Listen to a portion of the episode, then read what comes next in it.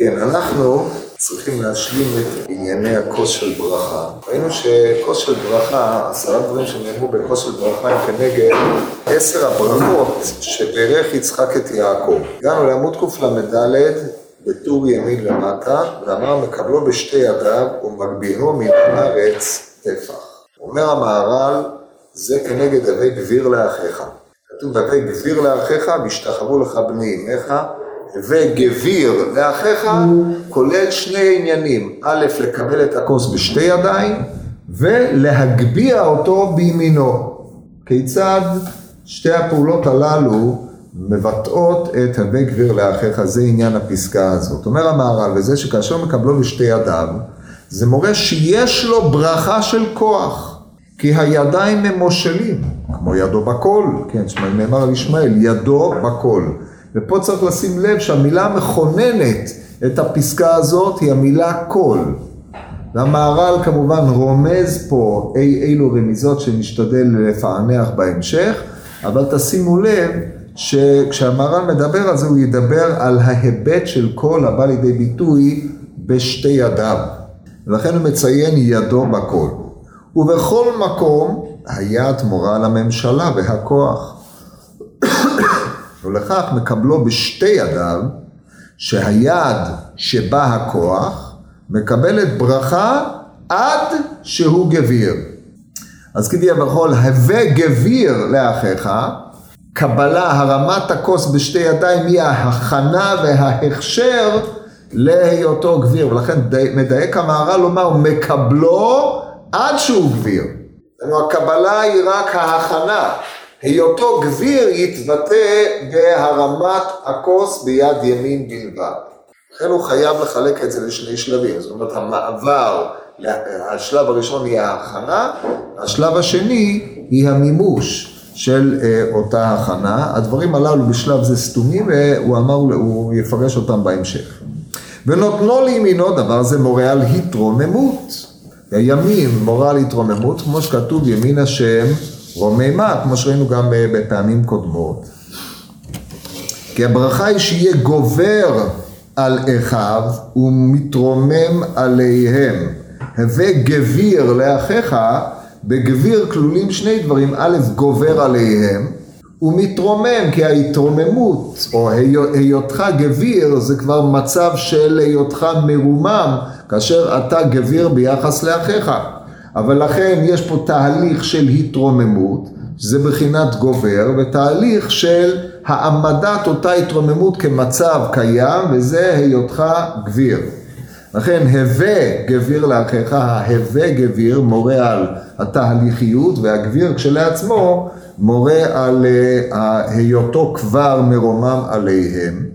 וזה עניין ההרמה בימין, הימין מורה על התרוממות, כמו שאמר ימין השם רוממה, ולכך אמר מה, שמש, ולכך מה שמקבלו בשתי ידיו ונותנו לימינו, מורה שיהיה גיבור ומושל על אחיו ומתנשא עליהם. אז שימו לב, יש פה שלושה דברים, יהיה גיבור, מושל על אחיו ומתנשא עליהם. כן, המושל והמתנשא זה, הגביר יש בו גם כן משמעות של התגברות, אם היה כתוב הווה גביר, זה היה משמעות של הווה גיבור, אבל כיוון שכתוב הווה גביר לאחיך, אז כלולים בזה שני העניינים, היותך גיבור, והדבר השני זה אמ, הגביר הזה יהיה, או תהיה גם בבחינת גביר לאחיך.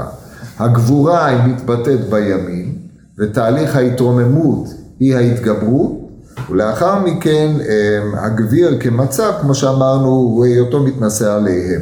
ועוד, אז עד כאן הביאור הראשון. ועוד, עכשיו הוא עובר להסביר למה שוב צריך לקבל אותו בשתי ידיים. אז הוא בשלב ראשון טען שקבלה בשתי ידיים זה ידיים מושלים כמו ידו בכל. עכשיו הוא הולך להסביר את התהליך ולהעמיק את מה שהוא אמר קודם לכן. אם מקבלו בידו הימנית לבד, היה זה מורה חיסרון, כי היד היא אחת. בוודאי שניים יותר מאחד. וכך מקבלו בשתי ידיו, וזה מורה כי כוחו וידו הוא בכל. פה הוא מתחיל לדבר על המונח בכל, כמונח שמתבטא בקבלה בשתי ידיים. תכף נסביר את זה, אבל קודם כל תראו איך זה חוזר כמה וכמה פעמים.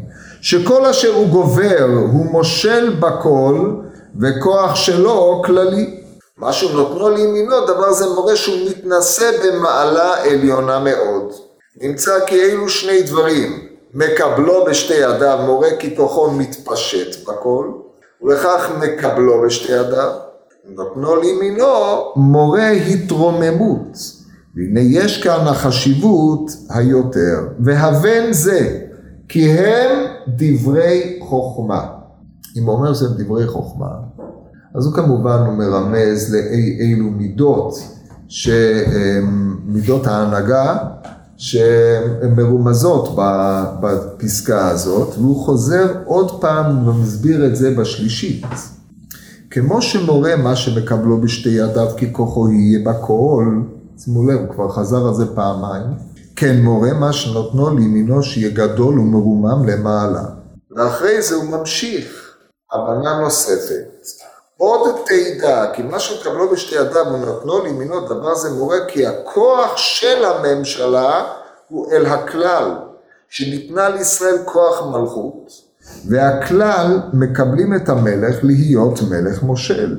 לכן מקבל כוס של ברכה בשתי ידיים, כי הידיים שהם כל ידיו הם נחשבים מקבלי ברכה שהוא הכוח של מלכות, ונוטלו לימינו, נותנו לימינו הוא המלך שמקבל הכוח והממשלה מן הכלל, כדקטיב שם תשים עליך מקרב ערכיך, פירוש זה ברור.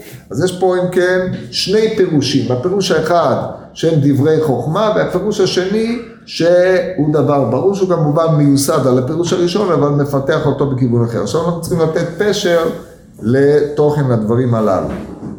אז קודם כל, מה היחס בין קבלת שתי ידיים לבין הרמה? קבלת שתי ידיים, טוען, המהרש... טוען המהר"ל, מקבלו בשתי ידיו זה מורה על כי כוחו וידו הוא בכל.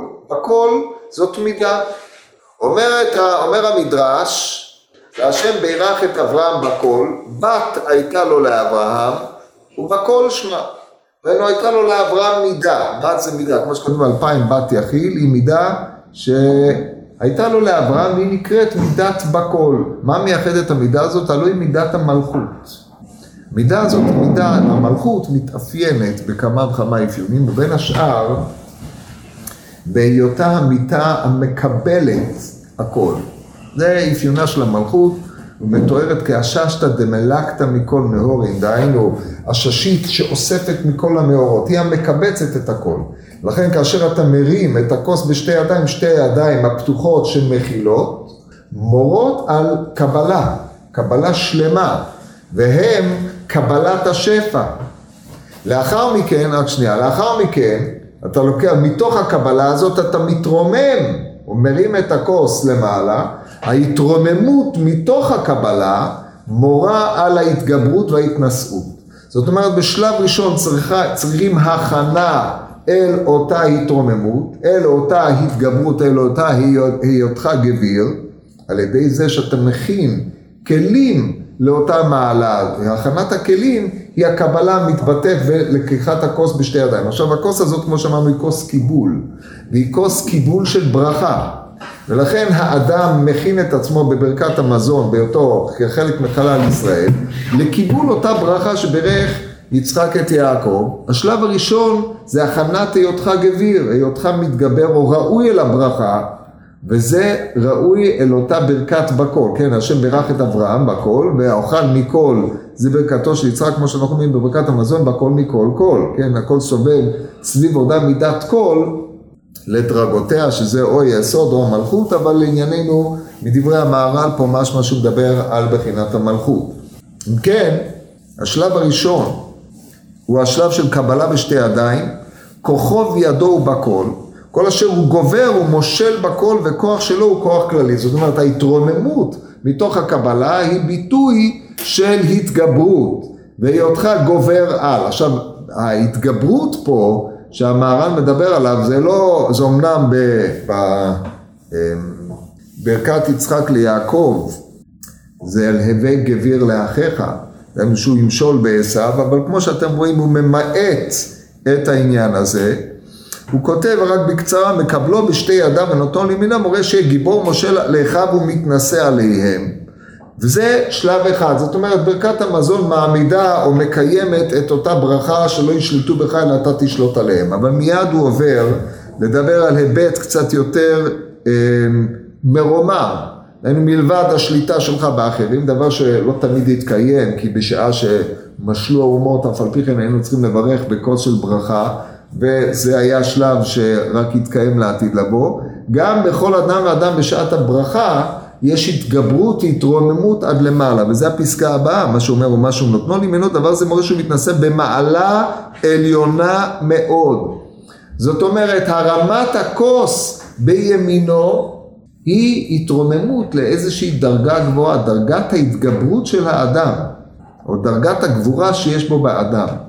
וכיוון שהכוס הזאת זה איזשהו שפע של ברכה שאנחנו בהיותנו מברכים, מכינים את עצמנו לאותה מעלה, הגביר הגדול ביותר שאדם יכול להיות עליו גביר, זה כאשר הוא גביר על עצמו. ברכת המזון או הכוס של ברכה זה התכוונות לזה שהאדם בכל כוחותיו, דהיינו בכל שיש בו, יתגבר ויכוון את כוחותיו אל מעלתו העליונה, שזה היישום של הברכה באדם עצמו, כי כמו שאתם יודעים, יעקב המושל בעשיו, תמיד נתפרש כמשילת הטוב על הרע, כמו ונשא את עוונותם, ונשא השעיר את עוונותם אל, אל ארץ גזירה, השעיר זה עשיו, עוונותם נתפרש עוונות תם, עוונות יעקב.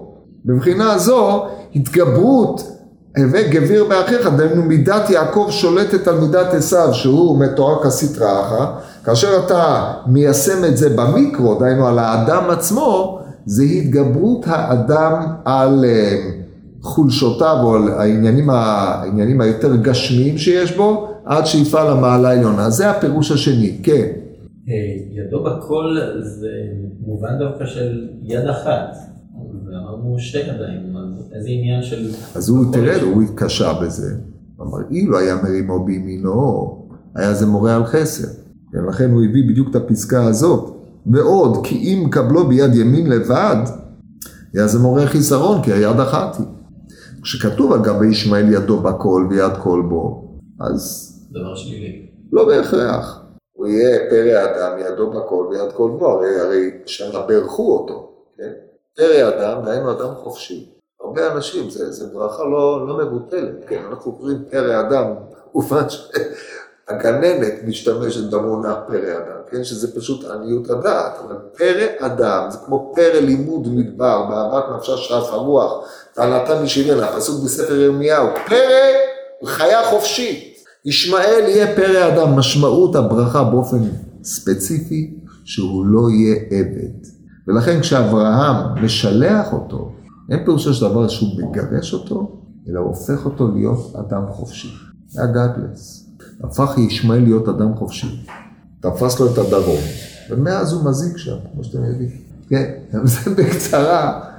אומרת, לא, אז יצחק עוד הלך לבקר אותו, הם היו ביחסים טובים, כן? הרי יצחק הלך לבאר לחי רועי, כאשר העבד חוזר להביא את האישה, את אה, רבקה, הוא מביא אותו אל יצחק, ויצחק יצא לסוח בבאר לחי רועי, באר לחי רועי זה המקום שאליו משתלח ישמעאל. הוא יושב וישכנו מחבילה עד שור, פני כל מצרים על פני כל אחיו נפל. נקודת הצפון שלהם זה באר לחי רועי. יצחק הרגיש קרבה לישמעאל, אחרי שהוא נהיה אדם חופשי. היו חברים. שרה לא הייתה שם כדי אה, להתערב במערכת היחסים, גם לא הייתה צריכה, הוא כבר מנותק. אדם חופשי, לא לוקח מהירושה כלום, כל מה שנשאר זה נשאר ליצחק. את המתנות נתנו לבני הפילגשים, שלחו אותם לבני קדם, מאז הם מזיקים בכל מיני מקומות, ויצחק נשאר פה בארץ, הוא קיבל את הדרום. זה התיאור הגיאוגרפי, כן? אבל על כל פנים מה שחשוב שתבינו שהמהר"ל בהתחלה אומר, מדבר על גיבור מושל על אחיו ומתנשא, וזה במקום שאפשר להתגבר על אחיו ואפשר להתנשא, אבל במקום ש... דבר לא קיים. אם אנחנו חוזרים לברכת יצחק ליעקב, זה במערכת היחסים בין יעקב לעשיו. הרי המהר"ל בוודאי הבין שמערכת היחסים בין יעקב לעשיו, לא שהם יהיו אומה אחת, אלא שהוא יתגבר עליו, כי הרי הוא פירש והיה כאשר תריד ופרקתהו לא מעל צוואריך, היינו כאשר אתה תמרוד, כמו שרש"י מפרש, כי זה שיטתו של המהר"ל, בהיותו מפרש רש"י בגור אריה. אז ממילא הווה גביר לאחיך, דהיינו אתה תשלוט עליו, בבחינת לא נתמלאה צור אלא מחורבנה של ירושלים, ולא נתבע ירושלים אלא חורבנה של צור, אם מלאה אחורה, ואם זוהי למעלה זה למטה. אז לכן עשיו נתפסו פה כנושאי הסטרא אחא, דהיינו מציגים את הצד האחר שיעקב צריך להתגבר ולשלוט עליו, ובזה בהתגברותו ושליטתו עליו ובתקעות כוחות הרע בעולם, הרי שמו של שם שמיים מתגדל. המודל הזה מועתק אל הפרט, זה מה שאמרתי, זה הביאור השני שהוא דרך חוכמה. כן, לכן הוא משתמש פה במונחים, מונחים שמורים על עניינים פנימיים כמו מעלה עליונה. מעלה עליונה מורה על מדרגת האדם בהתעלות ממידת המלכות למידות יותר עליונות. זה מה שאומר, נמצא אלו שני דברים, מקבלו בשני מינו מורה, כי כוחו מתפשט בכל, שזה ודאי מורה על מידת המלכות, ולכן מקבלו בשתי ידם ונותנו לימינו מורה התרוממות. אם יש כאן החשיבות היותר, זאת אומרת ההתרוממות ממידת המלכות אל המעלות היותר עליונות, ואם אני מבין אותו נכון, זה ההתגברות על האדם והוצאת בחינת התפארת שבאדם אל הפועל. זה השלב השני של הברכה, כי הברכה היא תמיד במלכות, ורוממותה של המלכות, הרמתה למעלה או הרמת הכוס ליד אחת, זה ביטוי לרוממות המעלה העליונה של האדם. עכשיו המהר"ל עובר לביאור שלישי. הביאור השלישי כי מה שמקבלו בשתי ידיו. אמרנו קודם שיש שם שני ביאורים, אבל למעשה יש שם שלושה, כי הביאור הראשון הוא חוזר אה, אל אה, מילוליותה של הברכה, הווה גביר לאחיך, כאשר ההתייחסות היא לאחיך דייקה.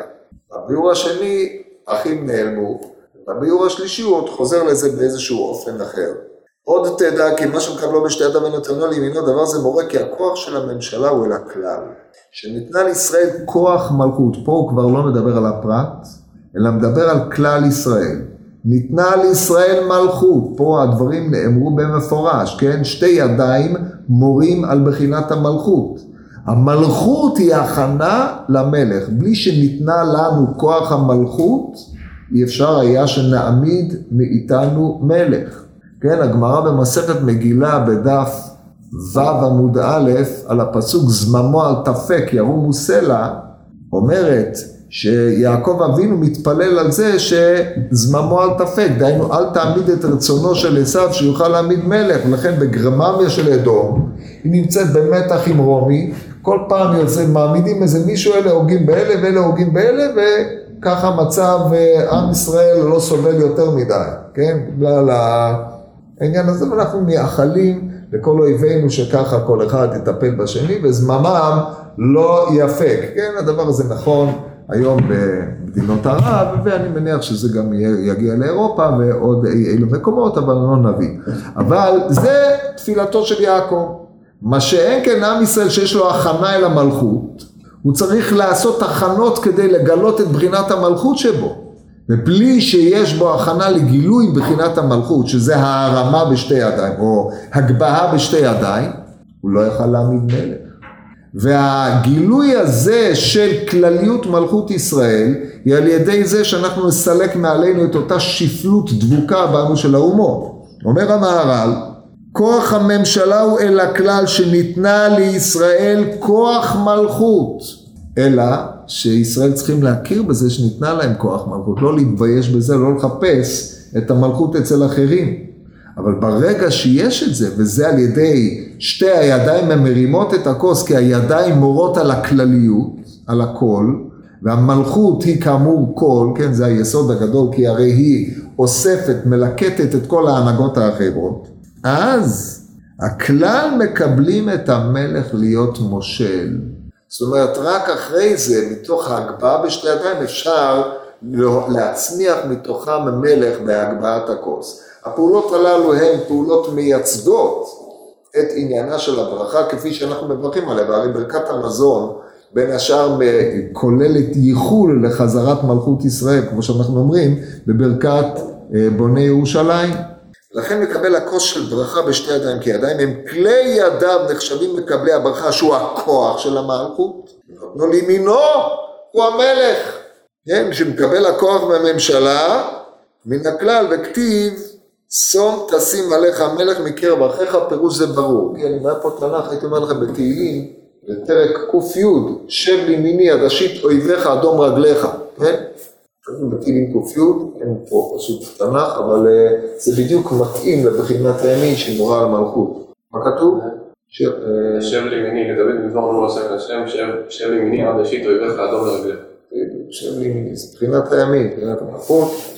כן, שום תשים עליך המלך, פירוש זה ברור, ברור אמרנו שהוא ברר אותו משאר הפירושים והעמידו כפירוש היותר נבחר, כי הוא מדבר על כלל, על הכלל, ככל שאתה פירוש מדבר על הכלל, מה יפה, זאת אומרת פעם הפירוש הראשון התייחס להתנסות על אחיך, הפירוש השני הוא הולך חוזר לאדם עצמו, הפירוש השלישי מדבר על בחינת כלל ישראל ועל כוח המלכות בא לידי ביטוי בהעמדת המלך, שזה דבר שאנחנו מצפים לו יותר מכל בזמן זה. ומה ההבדל בין הראשון לשלישי? הראשון הוא אה, מדבר על מושג ההתגברות, שיהיה גיבור או מושל באחיו ומתנשא עליהם, באחיו. מי זה אחיו? הוא לא, לא מפרט. השלישי, זה, השלישי כבר מדבר על אה, מושג הכלל, כוח המלכות בכללותה. פה מדבר שוב על, אה, על יעקב ביחס לעשו ודברים כאלה. טוב, עכשיו אנחנו עוברים לשלב הבא. אמרנו הברכה הבאה, או הדבר, הדבר הבא שנאמר בכוס בברכה, מגביהו מן הארץ טפח. זה כנגד השתחוו לך בני אמך. איך? ביאור זה. איך להגביה את הכוס של ברכת טפח מורה על השתחוויה של בני אמך לך. כי כל השתחוויה הוא פישוט ידיים ורגליים לגמרי, כמו שחה לאחר נפשנו. משתחווה לקרקע הוא כמו הארץ, שמשתחווה אליו, ואשר משתחווה אליו הוא נבדל מן הקרקע. זאת אומרת, השתח, השתחוויה, השתתחות כלפי הקרקע, הרי אני כקרקע. זאת אומרת, הוא בטל אל העומד. כמו שכתוב, והנה קמה אלומתי וגם ניצבה, והנה תסובנה אלומותיכם ותשתחוונה לאלומתי, זה הביטול. כמו שהקרקע בטלה אל כל מי שדורך עליה, המשכיב את עצמו בקרקע בפני מישהו שעומד, הוא אומר, אני בטל אליך כדרך שהקרקע שאתה דורך עליה, בטלה אליך. זה ככה צורת הדברים. אומר המהר"ל, ואשר משתחווה אליו, דהיינו זה שמשתחווים אליו, נבדל מן הקרקע. כי הקרקע מורה על המשתחווה שהוא על הקרקע. ואשר משתחווים לו, דהיינו זה שמשתטחים לפניו, גבוה מן הקרקע. זאת הצורה. מי שמוגבע, עומד על הקרקע, הקרקע תפלה לו. מי ששטוח על כפי הקרקע לרגליו, בטל אל העומד, כמו הקרקע. לכך מגביהו מן הקרקע טפח, נגד השתחוו לך בני אמך. דהיינו, הם מזוהים את הקרקע, אבל אתה מתנשא על הקרקע, מתרומם. מה זה אומר? השתחוו לך אמך, הם יהיו תלויים לך. הם תלויים בך, כמו שבתשתחוונה לאלומתי, בני אחי יוסף היו תלויים ביוסף. עכשיו התלות היא מפני שאתה יודע להפיק מן הקרקע, אתה משתמש בקרקע לצרכיך, והם בטלים אליך כמו הקרקע עצמם, לכן הם גם תלויים בך. אז זה הדבר הבא, אחרי זה כתוב, נותן עיניו בו. זה הדבר הנוסף שנאמר בכושר ברכה. עכשיו בדרך כלל דבר שאדם נותן בו את עיניו, נתן בו את עיניו, לעשאו גל של הצרו. דבר שהוא לא סמוי מן העין, לא שורה עליו ברכה. בלשון הגמות, בממציא מ"ב, כי אתה נכנס למוד את גורלו. אז אם אמר קודם, יהי רצון שתחול ברכה בקרי זה, בסדר גמור, אחרי שהוא מדד אותו, כיוון שהוא נתן בו מידה, שיעור, נתן בו את עיניו, כבר אין בו ברכה. עכשיו אנחנו נראה פה את המצב ההפוך. נתינת העיניים בכוס, היינו שלא יעשה, זה צורך שאין להסיח את דעתו, הוא צריך להתרכז בנתינת הכוס, זה נכון גם בקידוש, אם אתה לא קורא אותו מסידות, אתה צריך להסתכל על היין שבכוס. אז הנתינת העיניים הזאת, פה פועלת באופן הפוך מנתינת העיניים בעלמא. איך? אומר המהר"ל, כי מה שנותן עיניו בו על ידי העין הכל נמצא בפועל. המשפט הזה הוא היסוד שבגללו אין הברכה שרויה אלא בדבר הסמוי מן העין, כי הברכה היא יכולת ההתרבות, אבל כאשר הדבר נמצא בפועל הוא כבר לא מתרבה. כאשר הוא בכוח, הכוח יכול לצאת אל הפועל בכמה אופנים. בלי שניכנס לשאלה איך דבר שעוד לא מנו אותו יכול להתרבות, זה לא ענייננו כעת, אבל מה שעומד ביסוד הדברים זה ההיבט ההפוך, כאשר העין המעמידה את הדבר על ממדיו, על גבולותיו, היא מעמידה אותו בתורת בפועל. בהקשר שלנו, הדבר הזה הוא למעליותה. כיצד? לכן העין שנותן בכוס של ברכה הוא שנמצא ברכה בפועל. ובמורה זה כי ישראל הם בעלי ברכה לגמרי. ואם כן, אין האחד ראוי לקלל את אשר הוא ברוך בפועל. כתיב לא טהור את העם כי ברוך הוא. כאשר מקלל את אשר הוא ברוך בפועל, הקללה נהפך על עצמו. הדבר הזה בארנו בכמה מקומות, שעל כן אמרו החכמים לעולם תהא מליתא ולא אל תהא מלייתא.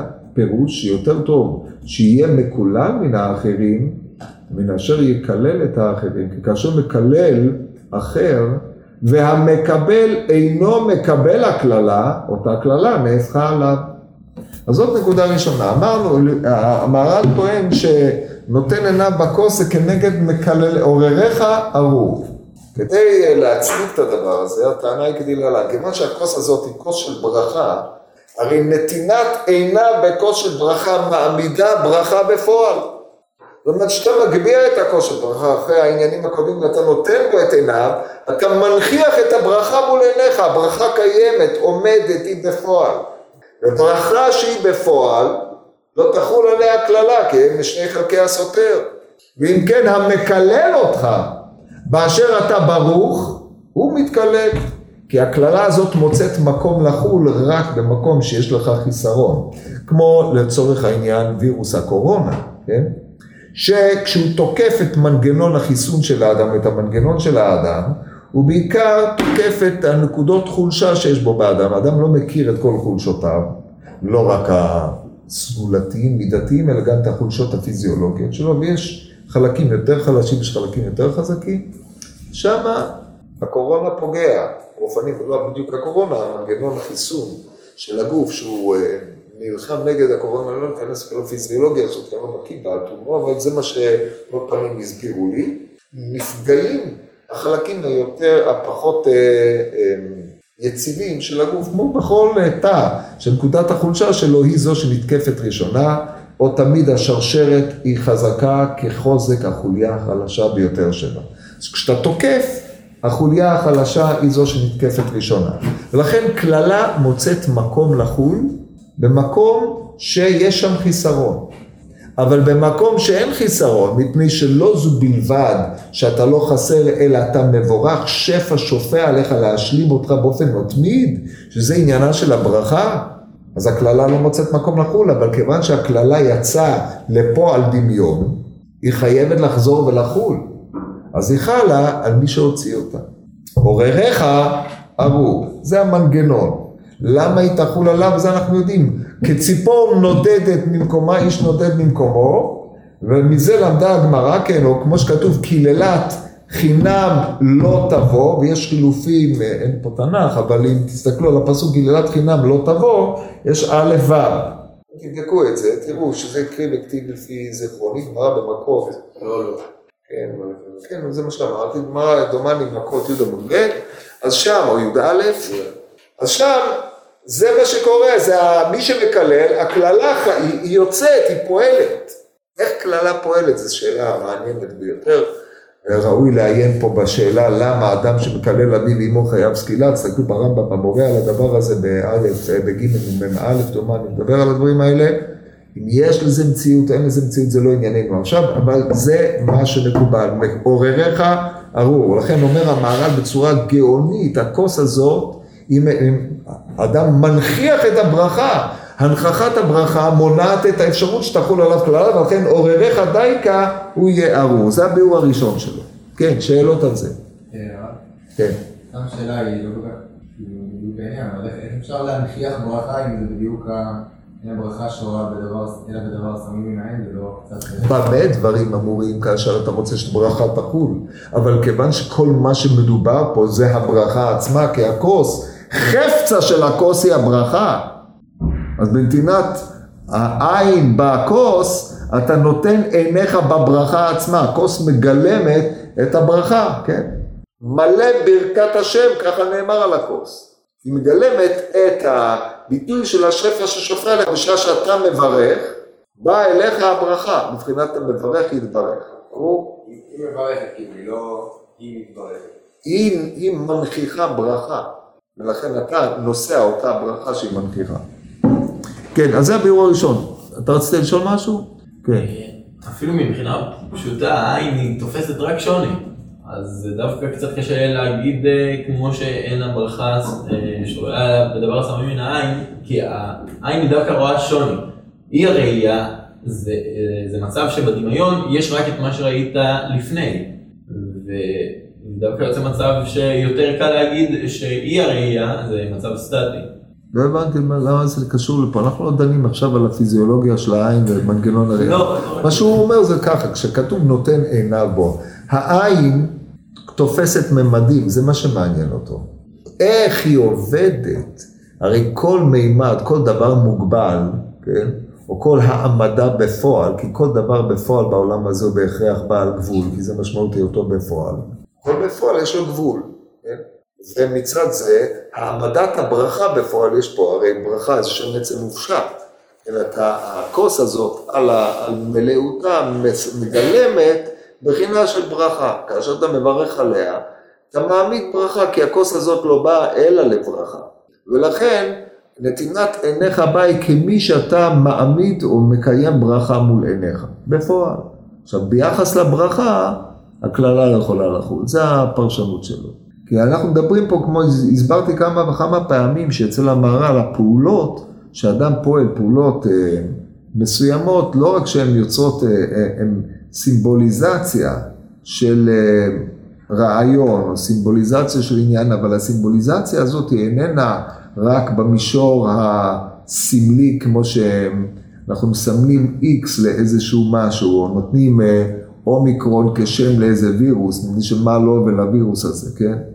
אלא הסמליות הזאת היא יותר קרובה לסמליות שעליה מדבר הרמב"ן במעשה אבות סימן לבנים. דהיינו יוצא לפועל דמיון. או כן, כמו שהרמב"ן שם מדבר בפרשת לך לך, י"ב ו', תראינו שם. עכשיו אומר, אומר המהר"ל עוד אה, מהלך אחד, ועוד, כאשר נותן עיניו בו מורה שמתברך בכל, ואין רואה לפניו רק ברכה, לכן נותן עיניו הוא כנגד עורריך ארור. זאת אומרת, לא זו בלבד שהוא מעמיד את הברכה בפועל, אלא הוא מעמיד את עצמו כמי שנתברך בפועל. לשתי הבחינות. כי הנתינה בכוס היא כביכול נתינת עיניו בברכה. וכיוון שאם כן אין האחד ראוי לקלל את אשר הוא ברוך בפועל. אחרי זה הוא, הוא מעמיד את עצמו כמי שכבר נתברך, כי הדברים קרובים. אמנם שגר לאשתו ולבניו ולביתו, זהו כנגד מברכך ברוך. כי באשתו, בניו ובני ביתו ודאי מברכים את בעל הבית. שהרי הם מקבלים טובה ממנו, ודאי הם מברכים למי שעשה להם טובה, ולכן הם מקבלים מן הברכה שיש של בעל הבית, כדכתיב מברכך ברוך, היינו המברכים אותך, הם עצמם יתברכו. וכיוון שאשתו ובניו, הרי ידוע של ההלכה, בני ביתו של אדם, גם כאשר הם מסובים על שולחנו, צריכים לומר ברכת האורח. לא יודע עד כמה זה נוהג, אבל אצלי בבית זה נוהג. זה מפורש בהלכה. זאת אומרת, רק האדם עצמו, יש כאלה שגם עוד, וואה, אבל זה כבר עד כאן. מילא אשתך תגיד ברכת האורח, אבל גם זה, אבל הילדים שלך ודאי. גם אם הם אה, גרים בבית? למה לא? לא, לא, לא יברכו את השולחן שממנו הם ניסויים. בעל הבית לא יכול להגיד ברכת האורח לפי הנוסח, כן? הוא יכול לברך את אה, אשתו, בניו, הרחמן יברך אותי ואת אשתי, זה בסדר גמור, אבל אה, הברכה של האורח לא מתאימה, שבעל הבית יגיד אותה, הנוסח לא מתאים פה. נכסיו נכסינו, מי זה נכסיו, מי זה נכסינו, זה היא-היא, כן, זה לא הולך. טוב, בכל מקרה, בוודאי הם מברכים למי שעשה טובה, זה ברור. הרי לך מבואר ומפורש כעשרה דברים שנאמרו בכוסק כנגד עשר, עשר ברכות של וייתן לך. וכאשר תשכיל, אז תבין הדברים האלו על אמיתתם. כי על פניו נראה שיש פה אוסף של דרשות, איזה שהם חיבורים אה, שכדי לאלץ את המסגרת, אז אה, אמרנו, טוב, הגבהה מארץ תפר זה כנגד הבחינה הזאת. הוא אמר, לא, לא, מה פתאום, כוס של ברכה כוללת בחינת עשר, עשר העניינים, עשרה, בדרך כלל זה נגד עשר ספירות או דברים מעין אלה. תשכיל תדע להראות איך כל בחינה נכנסת במעלה, במסגרת הזאת של הקדושה, ואני לא השכלתי עדיין, אז אני לא יודע להסביר את זה. והעד הנאמן על פירוש זה, שאמר רבי יוחנן, כן, הגמרא ממשיכה ואומרת, ואנו אין לנו אלא ארבע, שם חי מלא שטיפה הדחה. איך זה עד נאמן? לא רק שזה לא עד נאמן, אז לכאורה אם איתר זה כנגד עשר הברכות, מה פתאום אתה ממעט שש? אומר המהר"ל, זה גוף הראייה. ולמה אין לנו אלא ארבע? אין לה פירוש שאין צריך רק לעשות ארבע, שם חיים מלא שטיפה והדחה. שהרי המוראים היו עושים איתור ועיטוף. גם כן, לכאורה בפשוטה לנו אין ארבע, אנחנו לא מחויבים לכל העשר. אז הוא אומר, אנחנו לא מחויבים, למה היו כאלה שכן עשו? מה תגיד, הם רצו להתברך יותר, אז למה אתה לא רוצה? אלא אומר המהר"ל, אבל פירוש זה, כי עתה, כאשר אנו בגלות, אין לנו יעבדוך, וכן ישתחוו לך לאומים וגביר לאחיך, וישתחוו לך בני אמריך, בני אמריך עורריך, ארור וברכך ברוך. כי אלו הברכות אינם לישראל כאשר הם ירודים ושפלים בגלות, והשכינה אין עמהם. גם עורריך ארור וברכך ברוך. כי לפי מה שנדבר, כאשר אתה נמצא בנקודת חסר, מצב שאתה, מצב של קללה, אז הקללה מוצאת מקום לחול, לכן מי שיקלל אותך, אתה מתקלל.